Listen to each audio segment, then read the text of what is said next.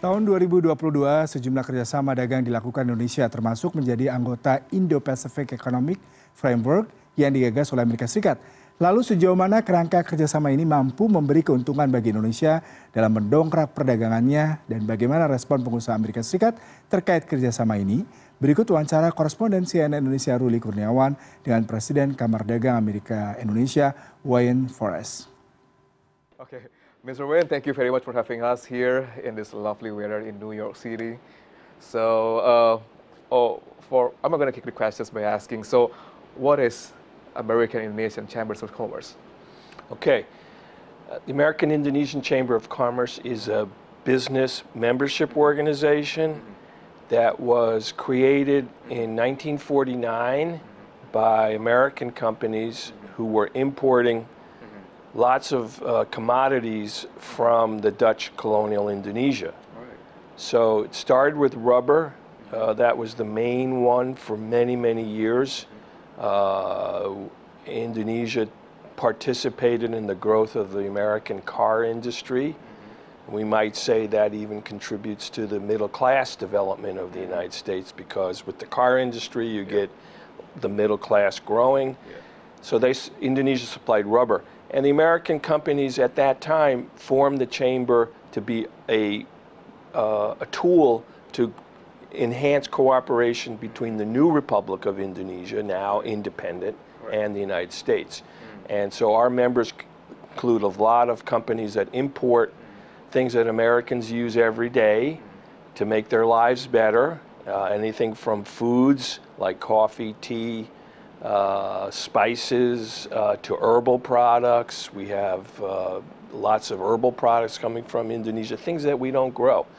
Now we're talking about the IPEF, you know, like Indo-Pacific Economic Framework. You know, like uh, when President Biden has announced this uh, framework uh, in May 2022, and since then and until now, what do you see the progress so far as?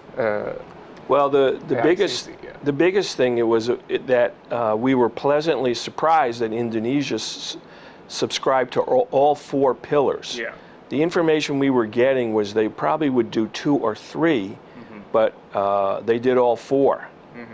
uh, coordinating Minister Airlangga mm-hmm. signed on to all four. So that's the first uh, thing that I think uh, is a is a very good result. Is is that uh, that Indonesia saw uh, so, something of value in pursuing this initiative. Mm-hmm.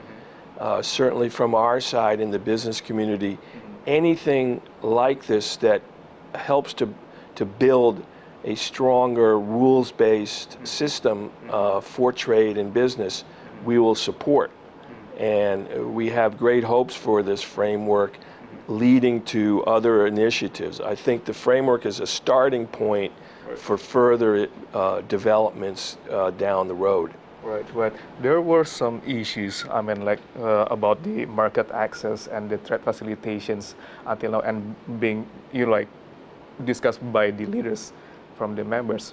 So, what do you think about this yeah, matters? Right? It, I think it's it could be nettlesome. It could be some difficulty there to to resolve some differences among the, the people, but the, among the, the participants. Uh, I don't know how uh, the whole thing is going to be uh, handled, whether they'll allow for certain bilateral things to go on right. within a more multilateral initiative. That's usually the case. I think market access uh, for any country, business community is important. Right. Um, whether it, I think what I noticed about the, the this, this framework agreement is I think it takes into account decision making of all participants, not just one, yep. uh, which would say be the United States. Mm-hmm. So, and I would characterize that as this is more of a consensus building mechanism right now. Mm-hmm. It may lead to something that's more binding. Okay, but if you look at it right now, it's starting from, I think, a place that's very comfortable for countries like Indonesia uh, and others in the region that, that, that have very, they have a difficulty for a good reason balancing the n- local needs with, with keeping their market open for international trade. And that balance is never an easy one. Uh, the average businessman doesn't really try to track them.